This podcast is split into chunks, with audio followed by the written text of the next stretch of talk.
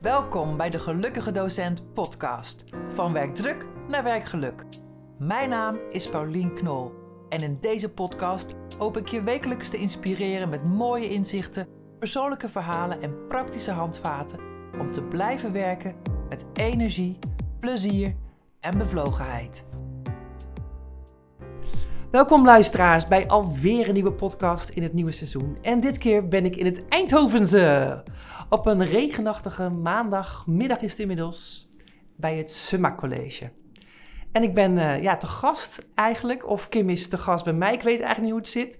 Maar in ieder geval zit ik aan tafel met uh, Kim Delfgauw, zeg ik het zo goed? Kim Delfgauw. Kim Delfgauw van het Summa College. En uh, Kim is daar HR-directeur, Human Resource Directeur. En uh, ik zei het net al tegen je, Kim, je bent mijn eerste Human Resource uh, Manager of Directeur in de podcast. Ja, nou wat een eer. Fijn ja. dat ik hier uh, mag zijn bij jou. Ja. Um, ik, wij hebben elkaar leren kennen eigenlijk via Laurent, denk ik. Die had ik vorig jaar ergens in de podcast. Ja, dat en klopt. tipte, die moet ook eens even met Kim gaan praten. Dat lukte in januari dit jaar. Ja. En toen hadden we een heel leuk uh, telefoongesprek. En, um, ja, en toen zouden we een afspraak hebben en dat liep anders. En dat, en dat werd uitgesteld naar vandaag. En ja. ik ben heel blij dat het uh, is gelukt. Nou, ik ook. Beter laat dan nooit. Ja, precies. Kim, um, misschien leuk voor onze luisteraars. Stel jezelf even voor en um, misschien kun je ook iets zeggen over ja, hoe jij, wat, wat jouw reis is geweest om nu directeur HR in het MBO te zijn.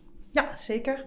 Um, ja, ik ben uh, gestart uh, met management, economie en recht heb ik gedaan. En uh, ik wilde altijd een half jaar naar het buitenland. En uiteindelijk kwam ik op Aruba terecht. En, oh, dat is niet verkeerd. Nee, nee, nee, En ik dacht altijd, ik ga iets in de commercie doen. Dus ik ga een commercieel beroep. Maar ik wilde één keer bij een overheidsinstelling werken. Want ik vond het altijd zo langzaam gaan. Ik dacht, nou, dat moet ik doen. En als ik dat op Aruba kan, dan uh, kan het overal. Dus ik ben op Aruba begonnen uh, bij de directie personeel en organisatie als uh, juridisch adviseur. En deed ik veel ambtenaren rechtszaken. Um, en uiteindelijk dacht ik, ik zat vaak aan de achterkant, waarbij ik zag dat um, medewerkers, als het niet meer ging over goed functioneren, dus dysfunctioneren, ik dacht, als je aan de voorkant van het traject had gezeten, was het beter geweest. Toen ik terug naar Nederland keerde, uh, ging ik werken bij het Openbaar Ministerie en wilde ik meer naar de voorkant.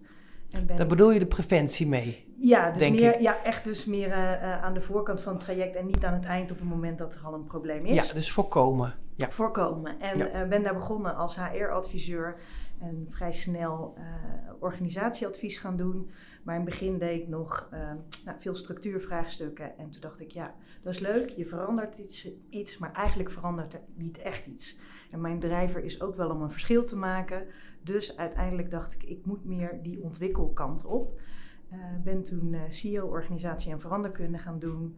En steeds meer uh, de ontwikkelkant van veranderingen gaan begeleiden. En wat, wat houdt de ontwikkelkant dan precies in? Ja, dat gaat Als je het vergelijkt over... met structuur, hè? Ja, nou, structuur is natuurlijk de harkverandering. Dus ja. dan uh, verplaats je een afdeling en uh, mensen daaronder.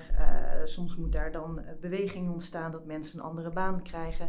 En dit gaat veel meer over het ontwikkelen van mindset, vaardigheden, kennis om te zorgen dat je mee kan in dus de toekomst. Het trainen en het leren en het inspireren van je werknemers. Ja, en, en naast Zoiets? het trainen ook meenemen in de verandering waar je dan op ja. gaat. Dus dat werkende weg met elkaar vormgeven. Ja, dus ook zodat een stuk communicatie. Zeker. En uh, informatie. Ja. ja. ja. En toen heb ik een aantal jaren bij het Openbaar Ministerie gewerkt. En na een jaar of acht dacht ik, ik ben ook wel weer stoer aan iets anders. En toen ben ik in het Jeroen Bos ziekenhuis begonnen. Uh, eerst instantie als hoofd PNO. En vrij dat was dan denk ik een omslag, hè? Nee, Van de juridische wereld naar het ziekenhuis? Nee? Nee, oké. Okay. Uh, ik, voor mij was het OM en het ziekenhuis leken heel erg Oké, okay, dat is interessant. Hoe, hoe, in welk opzicht? Ze gaan allebei over veiligheid. Oké. Okay. Um, en uh, wat je in beide ziet, een, uh, zowel een dokter als een officier zijn beide heel specialistisch vaak bezig. En als het over leiderschap gaat, dan vraagt dat dus een brede ontwikkeling. Dus dat zie je bij beide terug. Ja, interessant. En ja. als je naar een parketsecretaris kijkt, dan kun je dat wel vergelijken met een verpleegkundige. En ook de ontwikkeling binnen het OM, waar het steeds meer ging naar assistentofficieren, zag je in het ziekenhuis de ontwikkeling naar verpleegkundig specialist. Oké, wat Dus- leuk. Dus ja. de hele de dynamiek. Ik, ik, van- van mijn perspectief denk ik, nou, dit is zo'n andere cultuur, een ander doel. Maar van jouw perspectief zie je heel erg de parallellen.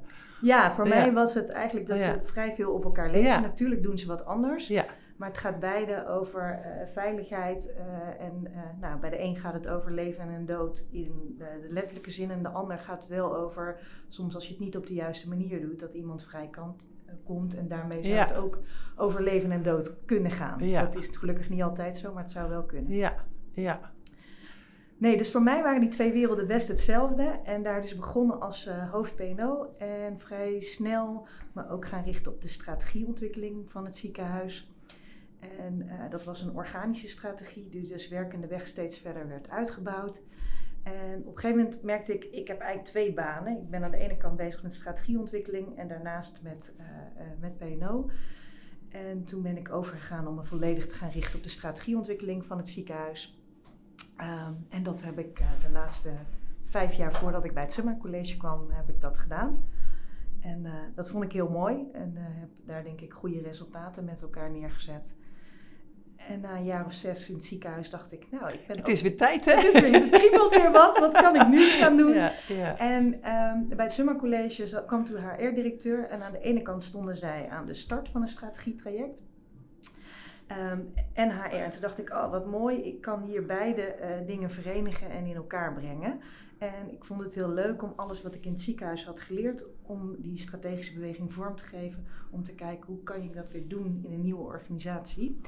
Ehm, en in het onderwijs was ik nog niet geweest. Nee, Ehm, dus voor mij een hele mooie stap om deze richting op te gaan. juist, juist. En hoe, hoe lang zit je hier? Nog niet zo heel lang, toch? Nee, in jaar? november twee jaar. Ja, net twee jaar, ja. ja.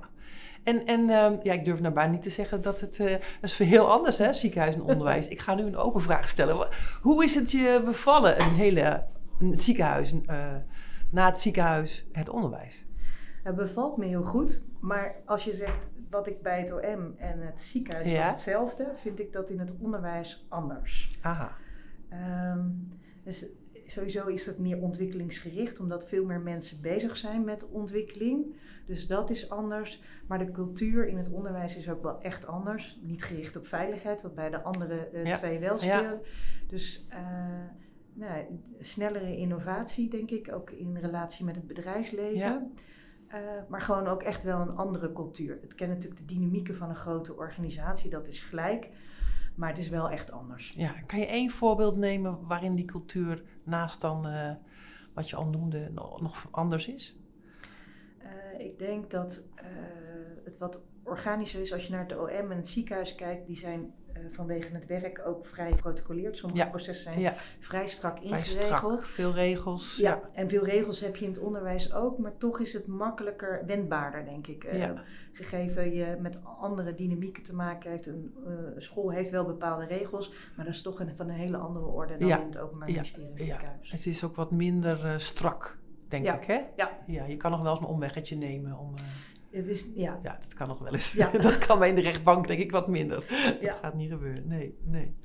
Ehm, wat is, ehm, je zit hier in de podcast eh, De Gelukkige Docent. Hè? We hadden natuurlijk al even over gesproken. En we gaan het hebben over werkgeluk. Nou, daar heb jij ook iets mee. Daar komen we zo nog wel even op. Maar wat, wat betekent voor jou persoonlijk eh, werkgeluk? Want je hebt een hele drukke baan. ja. En eh, nou ja, hoe is dat? En wat betekent dat voor jou? Ja, voor mij uh, werkgeluk gaat wel over dat je aan de ene kant de keuzevrijheid hebt. En in mijn baan heb ik wel veel regelmogelijkheden. Dingen zelf kan ontwikkelen. Uh, en daar ook de ruimte voor krijg.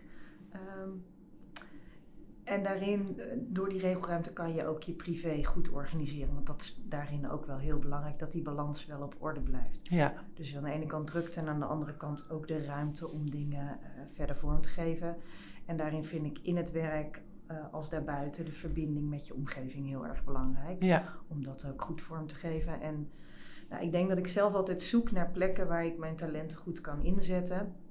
Uh, waardoor mijn werkgeluk eigenlijk altijd wel goed is. Ja, dat lukt je. Ja, dat lukt me. Ja, dat... dat lukt me eigenlijk altijd wel. Dus ik zit terug te denken of ik ooit in mijn werk. Uh, natuurlijk heb je wel eens de ene dag beter dan het ja. ander. Ja. Maar als ik over het algemeen denk ik, ja, ik ben altijd vrij gelukkig in mijn werk. En als ik denk dat het verandert wat misschien niet zo goed is, dan beweeg ik ook tijdig. Ja. Dus ik kijk Dat is- altijd wel vooruit. Misschien is dat wel het geheim. Zou het niet? Dat zou Toch? kunnen inderdaad. Ja, ik blijf wel altijd vooruit kijken. Wat gebeurt er om me heen en wat heb ik daar dan in nodig? Ja, ja, mooi. Ja, ik, ik denk, we hebben, ik, heb, ik denk, ik heb het eh, vaak over regie, hè? Ja, En eh, volgens mij hebben we daar in ons voorgesprek ook al heel veel over gesproken. Over de regie pakken, op je eigen geluk. Dus als er iets niet eh, haaks zit of wat niet lekker zit, dat je daar dan in beweging komt. ja. Nou, dat zeg je, dat heb jij natuurlijk ook. ja, en daarin dus vertrouwt op jezelf wat je kan. Uh, Hmm. Want dat is denk ik ook vaak het verschil waarom je wel of niet in beweging komt. Als je goed weet wat je Ja. kan, Ja, dan ben je ook sneller geneigd om die regie denk ik Dan heb je die zelfvertrouwen om, eh, het zelfvertrouwen om ook het gewoon te doen. Ja. Ja. En dan durf je ook eh, uit je comfortzone soms te gaan. Precies. Denk ik, ja. Ja. En dat moet natuurlijk wel groeien. Ja, mooi. Ehm, ik vroeg in het voorgesprekje al eventjes van, eh, wat doet een directeur HR? En eh, nou, toen gaf je zo'n mooi antwoord. Nou, toen dacht ik, nou, dat moet ik nog een keer herhalen. Dus hier komt hij nog een keer. Kan jij iets vertellen over jouw eh, werkzaamheden als eh, directeur Human Resource? Ja, ja, human resource. Ik hoop dat dat woord moeten we misschien op termijn. Ja, wat is het verschil met P&O? Of is dat Ja, dat is, is oud en nieuw? Of? Ja, dat is een beetje de taalgebruik. Op een gegeven moment is het human resource, maar eigenlijk zijn mensen geen resources. Dus nee. ehm, de naam, ik weet nog niet precies welke naam we eraan moeten geven, maar dat zou wat mij betreft wel mogen veranderen. Ik heb in ieder geval de M van management, die er eigenlijk vaak nog achter staat, losgelaten, omdat ik denk dat het meer over ontwikkeling en dan zou je zeggen development gaat. Maar het woord resources, eh, het, mensen zijn geen resources. Dat, ehm, dus ik zou dat op een andere manier wel willen vormgeven. Maar goed, dat komt op termijn. Eh, maar wat doen wij? Eh, we hebben verschillende taken. Aan de ene kant ehm, zorgen we er gewoon voor dat de basis op orde Ja. is. Dus eh, dat je je salaris krijgt ehm, als je hier werkt. Dat je contracten op orde zijn. Alle veranderingen eh, rondom personeelsgebied. Dat dat netjes geadministreerd Ja. wordt. eh, zodat je daar verder geen last van En hebt. jij stuurt daar iets in aan? Of? Ja, ik stuur er iets in aan, maar ik heb nog wel een teamleider die eh, Ja. daarvoor verantwoordelijk is. Dus zij stuurt de, dag Ja. dagelijks aan, maar ik ben in de totaliteit daarvoor verantwoordelijk. Daarnaast heb ik HR-adviseurs. En die zijn gekoppeld eh, aan de proposities en diensten. Dus de proposities zijn de scholen en eh, de diensten, dus de ondersteunende Ja. diensten. En dan kun je denken aan finance en control, Ja. eh, communicatie en al dat soort facetten. Die ondersteunen eigenlijk alle eh, ehm, leidinggevenden eigenlijk op alle personeelsaangelegenheden. Dus dan kun je denken aan ziekteverzuim, maar ook aan loopbaanvraagstukken. Eigenlijk alle vraagstukken die een leidinggevende kan hebben. Ja. En dan hebben we ook nog organisatieadviseurs. En eh, die houden zich bezig met organisatieontwikkeling, zoals het woord al een beetje zegt. Eh, en je eh, hebt dan organisatieadviseurs die zich meer richten op het bedrijfsmatige en ook op de structuurvraagstukken. En organisatieadviseurs die zich meer richten op de ontwikkeling. Ontwikkeling. Ik zat te denken, daar komt hij aan. ja, mooi. Ja. Ja, en zeker op het gebied van organisatieadvies. wij doen het sowieso niet alleen, maar met name op dat stuk doen wij dat samen met mensen uit het onderwijs en ontwikkelen wij samen steeds een stapje verder. ja, mooi. En ben jij nou veel aan het vergaderen en aan het telefoneren en aan het... eh, Ja, ik heb veel dagen op maandag, eh, dinsdag en donderdag zijn wel dagen dat ik vrijwel de hele dag in overleg zit of aan het telefoneren ben. Eh, en op woensdagmiddag en vrijdag probeer ik ook nog wat andere dingen te kunnen doen. Ja. En, en, en eh, heb jij een beeld van eh, hoe het met eh, de docenten en de medewerkers eh, op Summa gaat met het, met het wel- werkgeluk? Welbevinden wou ik zeggen, maar werkgeluk. Ja, daar heb ik wel een beeld bij. Ehm, en als wij kijken naar eh, onze bevlogenheid is heel erg hoog. Ja, hoe Eh, weet je dat? Hebben jullie dat Ja, dat, gemeten? heb- ja, dat hebben wij gemeten. Dus daarin eh, hebben wij medewerkersonderzoek en daar komt dat ook in naar voren. Dus de bevlogenheid is heel hoog.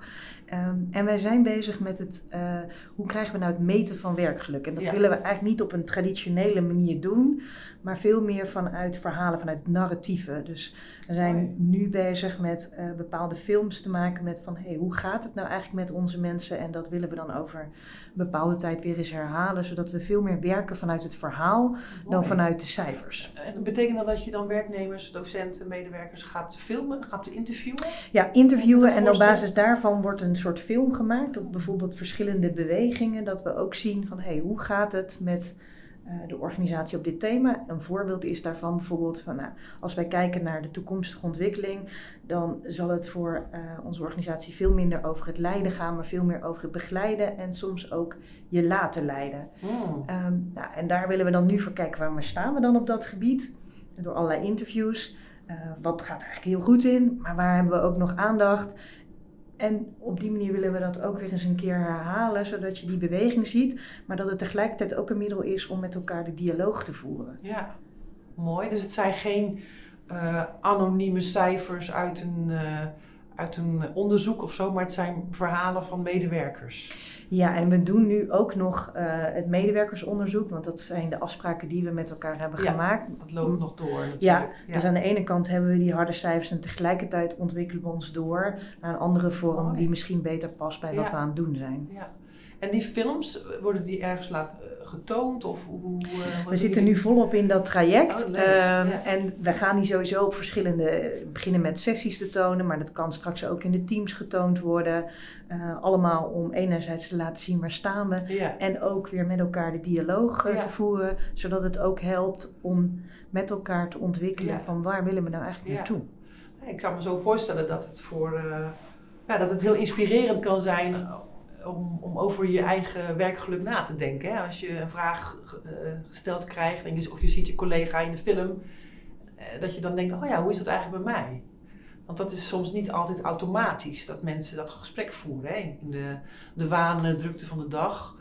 Dat je stilstaat bij van, nou, hoe is het nou eigenlijk met mijn bevlogenheid of met mijn vitaliteit? Of, Ja, dus die, die gesprekken zijn belangrijk om, Ja. om die te voeren. En je ziet soms ook dat het woord geluk ook nog wel een, een negatieve associatie oproept. Dus ook interessant om dat soort gesprekken oh ja. met elkaar te voeren. Een soort allergische reactie of zo? Wat- Ja, omdat het beeld bestaat dat je dan altijd gelukkig moet zijn.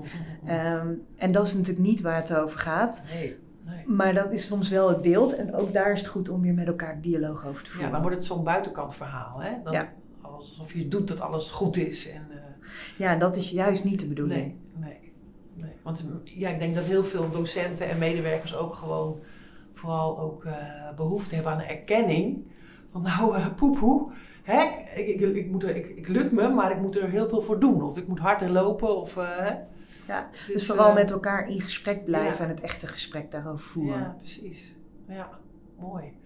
Ik las ehm, leuk, even, even een vooronderzoekje, een mooie eh vacaturezin waarbij jullie eh, ehm, een droom hebben als summa even. Ik, las, Ja. ik lees het even voor. Hè.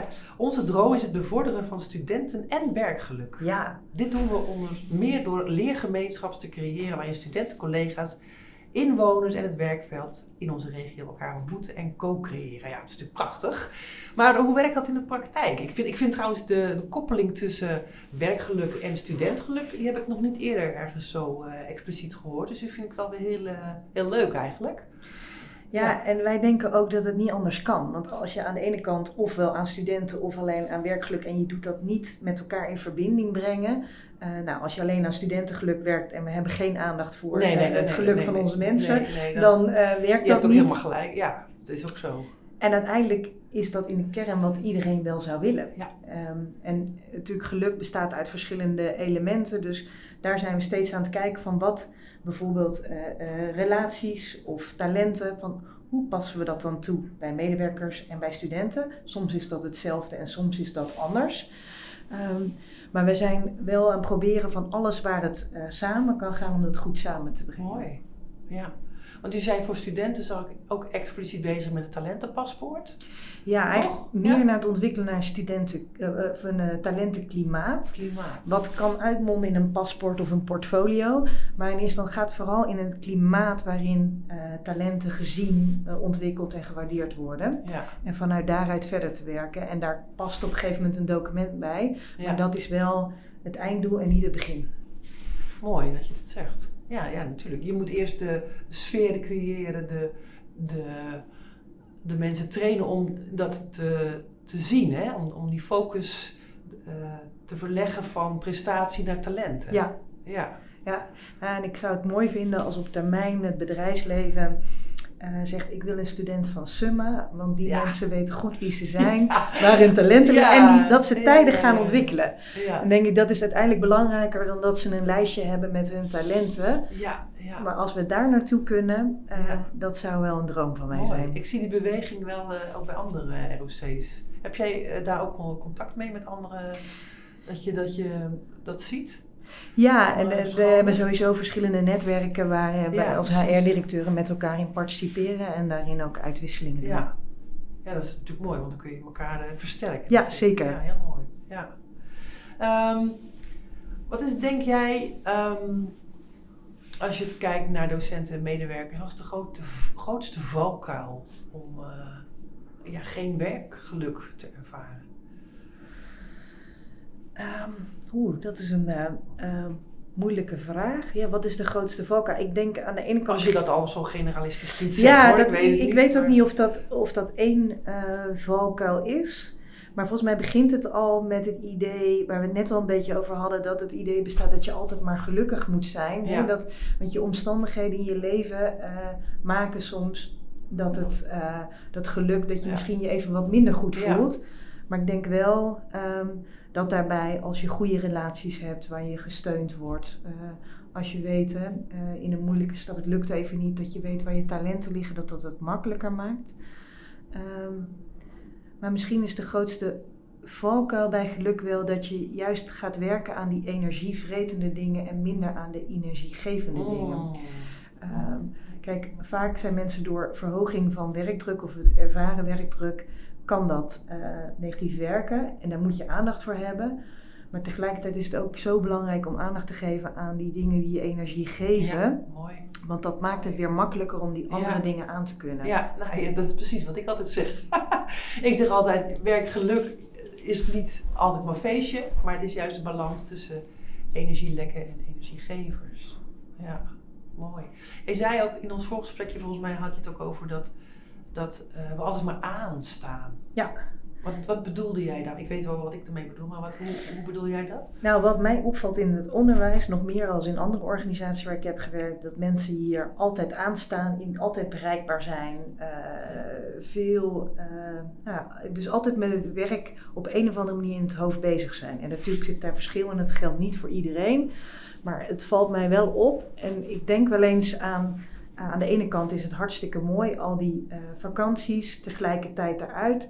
Maar het betekent ook als er iets gebeurt, dat je niets aan een collega kan overdragen. En de, het grote verantwoordelijkheidsgevoel, wat aan de ene kant hartstikke mooi is in het onderwijs. Maar ook wel de draaglast Ja, en ik, ik zou wel eens ja. willen experimenteren met andere vormen om te kijken, eh, zou dat nou werk, tot werkdrukverlaging eh, leiden? Of het gevoel dat je soms ook echt even helemaal kan uitstaan eh, en helemaal kan loslaten, Ja. omdat je weet dat iemand anders dat even waarneemt. In hoeverre eh, is dat al in ontwikkeling of is dat nog in het concept dat je daarvan droomt? Ja, ik droom er sowieso van, maar we zijn eh, met- op kleine schaal hiermee aan het experimenteren. Oh, om ook te ervaren, klopt dat nou? Is de hypothese die we daarover Ja. hebben, is dat nou waar? Heeft En dat een effect? Heeft dat een effect? Ja. Om eh, dat Wel ook te zien, eh, dat is natuurlijk iets wat heel gewaardeerd wordt, maar als je vanuit een eh, andere eh, cultuur en organisatie waar dat niet zo is komt, Ja. dan zie je dus dat alles in die weken voor de vakanties Ja. gepropt Ja. wordt. Ja. Ja. En ik denk wel eens, goh, is dat nou het best voor iedereen? Ja. En dat vraag ik me oprecht wel eens af.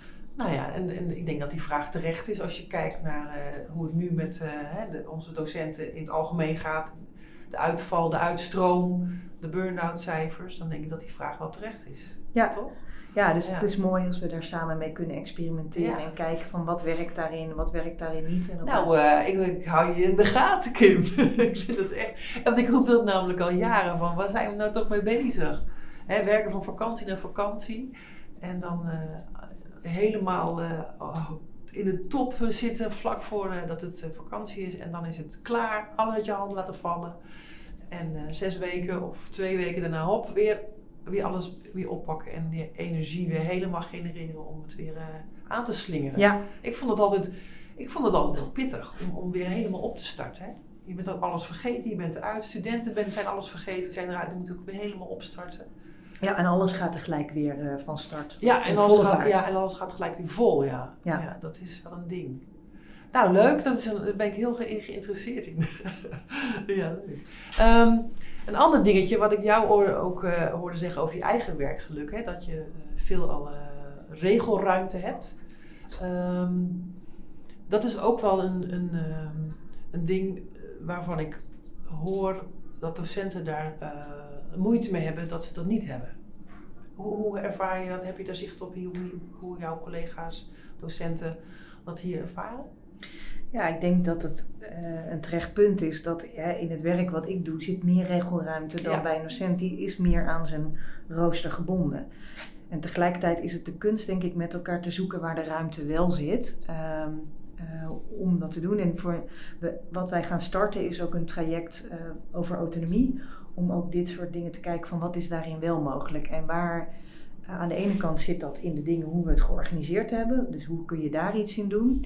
En autonomie ook voor studenten door ze meer keuzemogelijkheden te geven. Dus dat ze hun eigen opleiding kunnen samenstellen. Is dat eh studie maat of zo? Is dat het? eh, of? Eh, nou, we zijn aan het kijken naar hoe kun je echt het gepersonaliseerde Dat- ja. leren, dus vormgeven, zodat die student echt zijn eigen opleiding helemaal kan samenstellen. En eh, nou, daar wordt hard aan gewerkt. En tegelijkertijd is dus de kunst om te kijken wat betekent dat dan voor de docenten en andere onderwijsgevenden. Ehm, maar daarnaast heb je ook eh, de autonomie in jezelf. Dus om te kijken naar van wat zit in jezelf, wat wellicht eh, belemmert om bepaalde keuzes te maken. Dus ook daar willen we naar gaan kijken van wat kunnen we daarin doen om de ruimte die er misschien wel is, maar die je nog niet voelt, om te kijken wat we daarmee kunnen Ja. doen. Ja, dat is mooi. Die er wel is, maar die je niet voelt. Ja. Het heeft natuurlijk ook wel met leiderschap te maken. Toch? Zeker. Hoe word je aangestuurd? Of eh, is het heel hiërarchisch? Of is het eh, meer plat? Of krijg je veel vrijheid? Ja, dus aan de ene kant dus met leiderschap wat gegeven wordt, maar het heeft ook met persoonlijk leiderschap te maken. En ik geloof wel in die wederkerigheid. Hè, het, eh, ik heb meer autonomie nodig als het in de structuur zit, ja. En tegelijkertijd is het niet iets wat je van een ander krijgt, waar je ook samen in overleg moet kijken Ja. hoe kun je tot optimale autonomie Ja. komen eh, om je werk zo Ja, dus mogelijk te als ik doen. goed begrijp, dan, dan zeg je van, nou ja, als je het idee hebt dat je niet genoeg regie hebt, als je meer autonomie nodig hebt, ga erover in gesprek en geef aan wat je nodig hebt. Ja, zeker. En we zien ook voorbeelden in onze praktijk waarin er mooie oplossingen zijn gevonden om meer autonomie te krijgen. Door bijvoorbeeld met twee docenten op één groep te staan en daarin dus veel meer die vrijheid te creëren. Dus ook dat soort initiatieven te stimuleren en te kijken waar dat kan, dat Ja. we daar ook eh, eh, ruimte aan gaan geven. Mooi. Er is vaak veel meer mogelijk dan je soms in je beperkte zicht en je brein denkt, hè?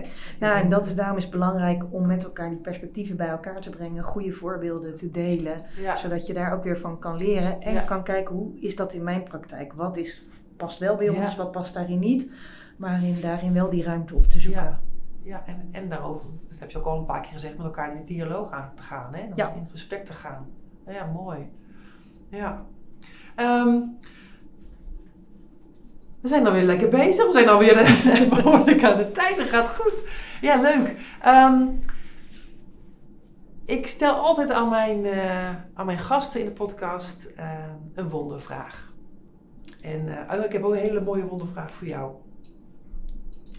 Wat nou, stel je, ik geef jou een toverstokje en daar zit één wens in. Ja. Helaas, het is er maar één. Hmm. Ehm, en je mag één werkgerelateerde wens doen, want je bent op Curaçao al geweest. Dus, eh, ehm, één werkgerelateerde wens met betrekking tot docenten en medewerkers. En die zou in 2022 nog uitkomen. Wauw, in 22. En het mag alles zijn.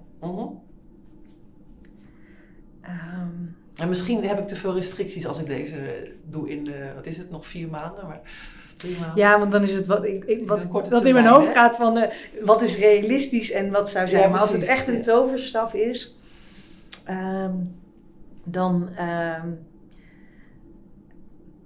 zou ik het mooi vinden als we eh, nou, de olievlek op het gebied van eh talentenklimaat en eh, relaties, eh, dat we echt in die wederkerigheid met elkaar werken. Dat studenten eh, de ruimte voelen om aan te geven wat ze nodig hebben, hoe ze zich zouden willen ontwikkelen en dat wij daar op een goede manier op kunnen inspelen. Dat ehm, al onze medewerkers de ruimte voelen om uh, uh, nou, autonoom te handelen binnen het kader wat er is, maar de ruimte optimaal opzoeken.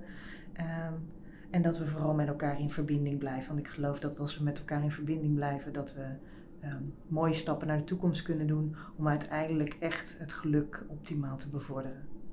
Mooi. Je hebt er stiekem, stiekem gewoon drie ingestopt, Kim. Ja, maar als ik dat een beetje... Het valt allemaal onder geluk. ik heb je wel door, maar oké, voor deze keer. Mooi. En ik wil jou zeggen, het gaat allemaal om de verbinding. Als je die vindt met elkaar, als je die kwijt bent, dan is er bijna, bijna niks meer mogelijk. Maar als je die weer opzoekt en elkaar daarin vindt, dan is er gewoon heel veel mogelijk. Ja, en dus ook ja, ja, en dus bespreekt. Want de verbinding is dus niet alleen uh, uh, de mooie dingen met elkaar bespreken, maar ook de dingen die lastig zijn. en het mag af en toe best eens schuren. Uh, want daarin, maar als je dus op inhoud blijft schuren, maar in de relatie blijft staan, dan uh, kom je samen. Tot glans, toch? Ja, zoiets. Ja, zoiets. Zonder wrijving geen glans. Ja. Maar ik geloof daar wel echt in. En daarin dus af en toe ook uh, een stukje kwetsbaarheid laat zien van jezelf. Want ik geloof wel dat dat er vaak onder zit. Dat je ook durft aan te geven: dit vind ik lastig. Of ik moet iets loslaten, want dat zal er soms ook bij horen. Maar ik vind het niet gemakkelijk. Mooi. En volgens mij alleen al door dat te zeggen en dat dat er mag zijn um, kom je samen tot een echte dialoog, waardoor er ook weer meer verbinding ontstaat. Mooi. Mooi. Door kwetsbaarheid wordt kracht, hè? Precies. Op weg naar werkelijk. Kim, dankjewel. Het is gelukt, ons gesprek. En ik wil je ontzettend bedanken voor, uh, voor deze mooie, dit mooie gesprek. En uh, ik wens je heel veel succes met uh, ja, alle mooie plannen en dromen die je hebt. Dankjewel, graag gedaan. Dankjewel voor het luisteren naar deze podcast. Ik hoop dat het jou geïnspireerd heeft. Als je nog niet geabonneerd bent, doe dat even. En laat ook een review achter. Dan weet ik wat je ervan vond. Tot de volgende keer.